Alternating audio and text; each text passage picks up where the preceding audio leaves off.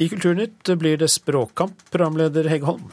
Ja, Riksmålsforbundet mener at språkåret 2013 egentlig er et nynorskår. Og det var vel ikke meningen, eller? Velkommen til Kulturnytt. Jeg heter Hege Holm, og aller først skal det altså handle om språkåret 2013. For nå er debatten i gang. Hva slags år er egentlig dette, dette her? I går åpnet altså språkåret 2013 med en festforestilling i Kilden teater og konserthus i Kristiansand. Og språkåret skal sette fokus på alle språk i Norge, men er egentlig vel et nynorskår. Det mener iallfall Riksmålsforbundet.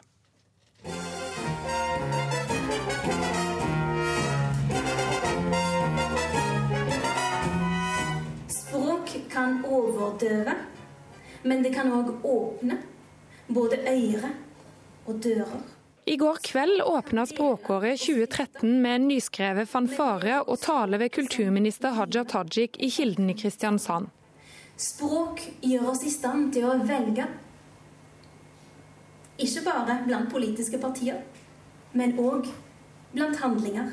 Språkåret 2013 skal sette fokus på alle språk i Norge, som nynorsk, bokmål, samisk, kvensk, romani, romanes, norsk tegnspråk, dialekter og nye innvandrerspråk. Men mest er språkåret et nynorsk år, mener formann Trond Vernegg i Riksmålsforbundet. Nesten alle aktivitetene bygger opp under en av målformene våre, nemlig nynorsken. Og vi synes jo det at skal man ha et språkår, hvilket er veldig viktig, så må det være for alt språk i Norge. Og fremme interessen for eh, begge målformer, og også de minoritetsspråk som ikke er nynorsk eller bokmål. 90 av eh, oss i Norge bruker bokmål og riksmål. Og da syns vi at bokmålet får altfor liten plass i språkåret. Nå er jo eh, utgangspunktet nynorsk. Sier prosjektleder for språkåret 2013, Inger Johanne Sæterbakk. I år er det 200 år siden språkforsker, dikter og nynorskens far Ivar Aasen ble født. Det er også 100 år siden Nynorskteatret Det Norske Teatret åpna. Og det er dette som er bakgrunnen for språkåret 2013. Eh, og selvfølgelig er det en stor andel nynorsk, men eh, Eh, vi har representasjon fra alle språkmiljøer i programmet vårt. Programmet er fortsatt ikke ferdig, så det er fortsatt mulighet for Riksmarsforbundet til å komme med gode innspill til hvordan vi skal få mer bokmål i språkåret. Jeg syns ikke at det er det viktigste å fokusere på. Jeg syns ikke vi skal sitte og krysse av eh, hva som er overskrifter på ulike arrangementer. Jeg mener at det viktige som vi gjør i mange av eh, de arrangementene vi har, er at vi løfter fokuset på språk. At vi sitter ikke og, og Eh, snakk om det, at det ene er bedre enn det andre, eller, men vi prøver å dra noen eh, perspektiver på språk som handler om noe større enn akkurat eh, bokmål, nynorsk og de tingene der. Språkåret 2013 er et selvstendig prosjekt som er organisert under Nynorsk kultursentrum. Sekretariatet ligger i Ivar Aasen-tunet i Ørsta. Kulturdepartementet støtter språkåret med 11,5 millioner kroner. Kulturminister Haja Tajik syns det er naturlig og viktig at nynorsk blir løfta fram og diskutert i språkåret. Så må vi selvfølgelig òg diskutere eh, bokmål, og vi må diskutere dialektene. Så det handler ikke bare om nynorsk. Men eh, jeg syns det er naturlig at man eh, gir nynorsken mye plass i løpet av språkåret 2013. På språkårets hjemmeside står det at et av målene er å gjøre også bokmålsbrukerne stolte av den nynorske skriftkulturen. Klart er det viktig å fokusere på nynorsken, men vi tror at et språkår bør favne begge målformer likt. Hadde det vært et nynorsk år, så klart at da skulle det vært en helt ensidig fokus på nynorsken. Der han sjøl og tuftene det var Miriam Grov som var i Kilden kulturhus i går kveld. Og Agnes Moxnes, du er kulturkommentator her i NRK. Har Werner Grett, er egentlig språkåret bare et forkledd nynorskår? Ja, det er jo ikke egentlig så veldig forkledd eh, nynorskår eller Det er et nynorskår, og det er grunnen til at, eh, man, at departementet har overført eh, bortimot 12 millioner kroner til dette året. Det er for å feire at det er 200 år siden Ivar Aasen ble født, og det er 100 år siden Det Norske Teatret åpnet. Så når Språkåret har liksom valgt å kalle seg noe som indikerer et allment nasjonalt språkår, så må de faktisk regne med å få sånne reaksjoner som det de får her. Men på en annen side, det må majoritetsspråket eh, bokmål eh, tåle, selv om de vet nok at hvis dette hadde vært andre veien rundt, at de hadde laget et bokmålsår og ikke inkludert nynorsk, så ville det nok blitt adskillig mer bråk enn det det kommer til å bli nå. Men det er altså Ivar Aasen og hans prosjekt som er kjernen i jubileet, og vel, vel. De fleste har en formening om hvem Ivar Aasen var, men skal vi gjenoppfriske litt kunnskapene om nynorskhøvdingen? Ja, det er jo altså all grunn til å lage et år for å hylle Ivar Aasen. Han var jo en, en genial vitenskapsmann og kunstner også. Var han som har skrevet 'Mellom bakkar og berg ut med havet', blant annet. Eh, han hadde bare omgangsskole, det var det. Og han kunne, altså han lærte seg opp gjennom årene norrønt, dansk, engelsk, fransk, tysk, latin. Han eh, satte seg ned og tenkte altså, omtrent altså året etter at han ble født, så ble jo Norge uavhengig av Danmark. Hva slags skriftspråk og talespråk skal vi ha i Norge? Skal vi bare adoptere det danske? Eller skal vi ha et eget språk som er bygget på norske dialekter? Og så reiste han altså land og strand rundt, så langt nord som til Tromsø, og dekket vel det meste av landet ellers. Og ga ut både ordbøker og norsk grammatikk. og som et resultat av det arbeidet han gjorde, så fikk vi jo da i 1885 det som heter likestillingsvedtaket, der det ble bestemt at, at nynorsk og bokmål, det som senere da har fått navnet nynorsk og bokmål, at vi skulle ha det, at de skulle være likestilte. Hva tror du Ivar Aasen hadde sagt om eh, språkstriden slik den eh, forekommer i Norge nå?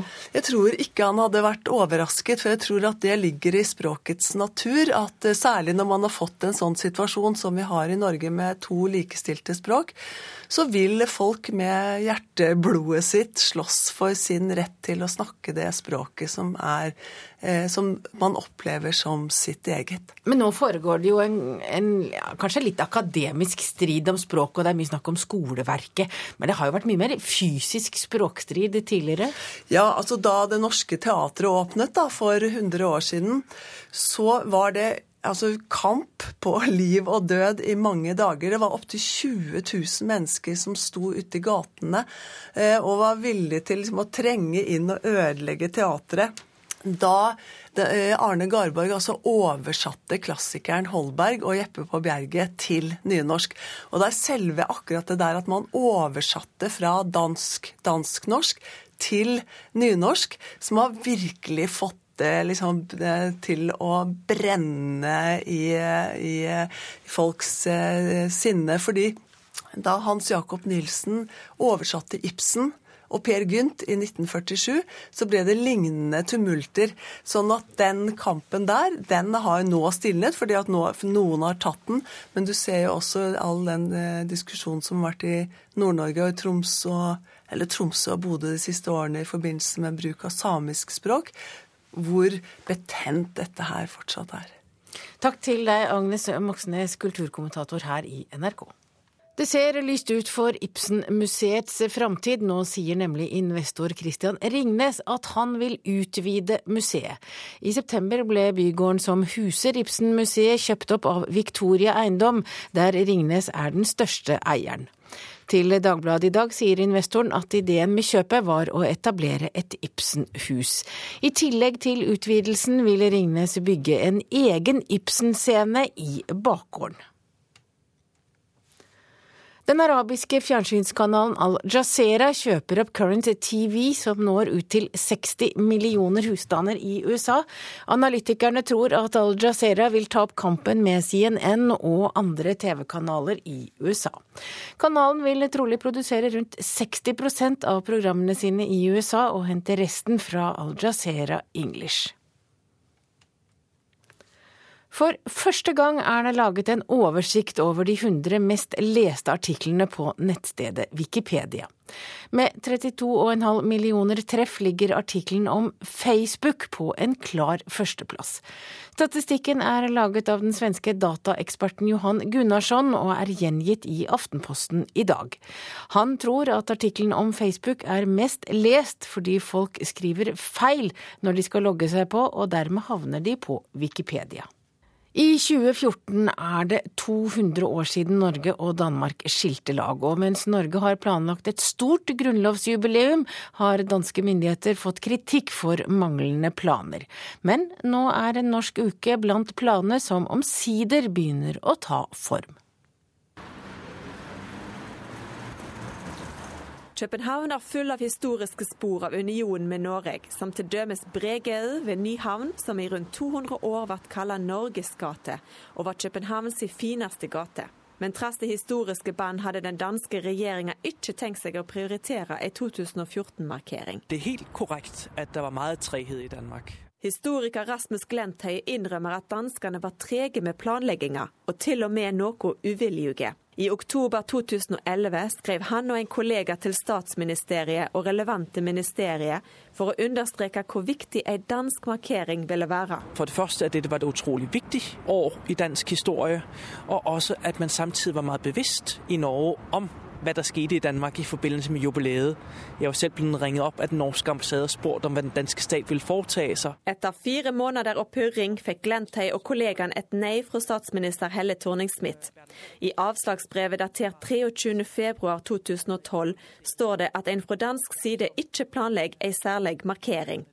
Da dette standpunktet kom fram i en juliartikkel i danske Vikenavisen under overskrifta 'Ja, vi glemte dette landet', kom det for alvor gang i debatten. Problemet var at fra regjeringens side av der hadde man nok ikke helt forståelse i første omgang for disse synspunkter, så vi fikk et avslag. Mellom de som var opprørte, var lederne av det danske folketing, Moens Lykketoft og Bertil Haarder, begge historieinteresserte og venner av Norge. Sammen med Fondet for dansk-norsk samarbeid setter de ned en arbeidsgruppe, som møttes i september 2012. I slutten av året bevilger Folketinget 4,25 millioner danske kroner til markeringer, og det blir dømes en norsk uke i København. Fra den 21. mai til den 28. mai 2014 der kommer hele København til å bli kledd i norske flagg. Da Norge så skulle velge sin egen konge i 1905, så valgte de en dansk prins. Det tyder jo på at 400-årsnatten ikke var så slem endda. Ikke langt fra Brigade får NRK servert småkaker og kaffe i Royal Copenhagens avise på Moens Lykketoft sitt kontor på Christiansborg. Som en av ildsjelene i arbeidsgruppa vil han styrke danskenes historieforståing, samt feire Norges grunnlov gjennom en rekke 2014-arrangement. Derfor er det nedsatt en gruppe nå med deltakelse både av Folketinget, Kongehuset, Statsministeriet, og med meget sterkt bidrag fra Dansk Norsk Fond. En av grunnene til at statsministeren tidligere valgte å ikke prioritere 2014-markeringa, var at det samme året er 150 år siden Danmark tapte Slesvig og Holstein som førte til at Danmark ble en nasjonalstat. Det har bidraget til den der lilleputt-stats oppfattelse. Vi led alltid nederlag, og det her var det siste store nederlag. Og det var jo så også en blodig krig. Men 1814 vil altså òg bli markert med bl.a. ei festforestilling i Det kongelige teater i København. Det å lage en festforestilling vil også være en måte å markere dansk-norsk kultursamarbeid på. Det ser litt tung ut. Så det var altså der båtene måske fra Island fortøyde. Ja. Vi møter Glentøy på ei vindfullt islandsk brygge. Et annet spor av unionen med Norge som han har skrevet bok om. Glentøy sier den danske regjeringas reservasjon var egentlig litt symptomatisk. Nordmenn har vært mer bevisst om sin fortid med Danmark enn Danmark har vært i høve til Norge. Når man skriver Norges historie, så kan du ikke skrive den uten også å skrive om Danmark. Men det har danske historikere vært riktig gode til å gjøre gjennom mer enn 100 år når det gjelder Danmarks historier. De er blitt fortalt uten at Norge har spilt noen særlig stor rolle. Ja, reporter i København er Tove Irjen Gerhardsen. Etter at storfilmen Kon-Tiki ble lastet opp på fildelingssiden The Pirate Bay like før jul, jakter nå folkene bak filmen på den eller de som står bak den ulovlige opplastningen. Produsent Åge Aaberge mener en høyesterettsdom som kom i etterkant av Max Manus, da den filmen i sin tid ble lekket på nett, vil gjøre det lettere å ta de som står bak denne ugjerningen. Har dere sett uh, Kon-Tiki? Ja. Ja. Nei. Nei, ikke. Jeg har sett den. Du har sett den. Hvor da? Vi lånte den på TV-en på sånn filmleie. Men det er ikke alle som har leid Kon-Tiki eller sett den på kino. Rett før jul oppdaget produsent Åge Aaberge at filmen lå klar til nedlasting på fildelingssida The Pirate Bay. Det er jo forferdelig for oss, fordi eh, det er jo eh, kriminelt. Det er en tyveri, rett og slett. Så, eh, så vi er jo bare nødt til å foreta oss noe. Det samme skjedde med storfilmen Max Manus i 2008. Her klarte produsenten ved hjelp av advokater å finne IP-adressen til nettbrukeren som hadde piratkopiert filmen. Men nettleverandøren Altibox nekta å utlevere navnet bak adressen, og saken gikk helt til Høyesterett, hvor Altibox tapte. Så Det var den første saken i sitt slag i Norge. Det sier advokat Rune Ljostad i Simonsens advokatfirma, som hadde saken for Max Manus-produsenten. Ljostad mener at dommen har skapt presedens. Jeg vil si det så enkelt som at uh, den dommen uh, gjør det klart at hvis rettighetshaverne bak uh, i dette tilfellet da, den Kon-Tiki-filmen, hvis de finner frem til IP-adressen til den som har lagt Kon-Tiki-filmen ut på internett, så vil de kunne ta den IP-adressen, gå til domstolen med den få tilgang til identiteten til abonnenten. Og det er akkurat det Kon-Tiki-produsent Åge Aaberge vil gjøre. Med Max Manus-saken i Høyesterett så, så, kan vi kreve å få utlevert IP-adresse. Det, det, det, er udiskutabelt. Så for oss nå så dreier det seg om å kunne legge fram dokumentasjon.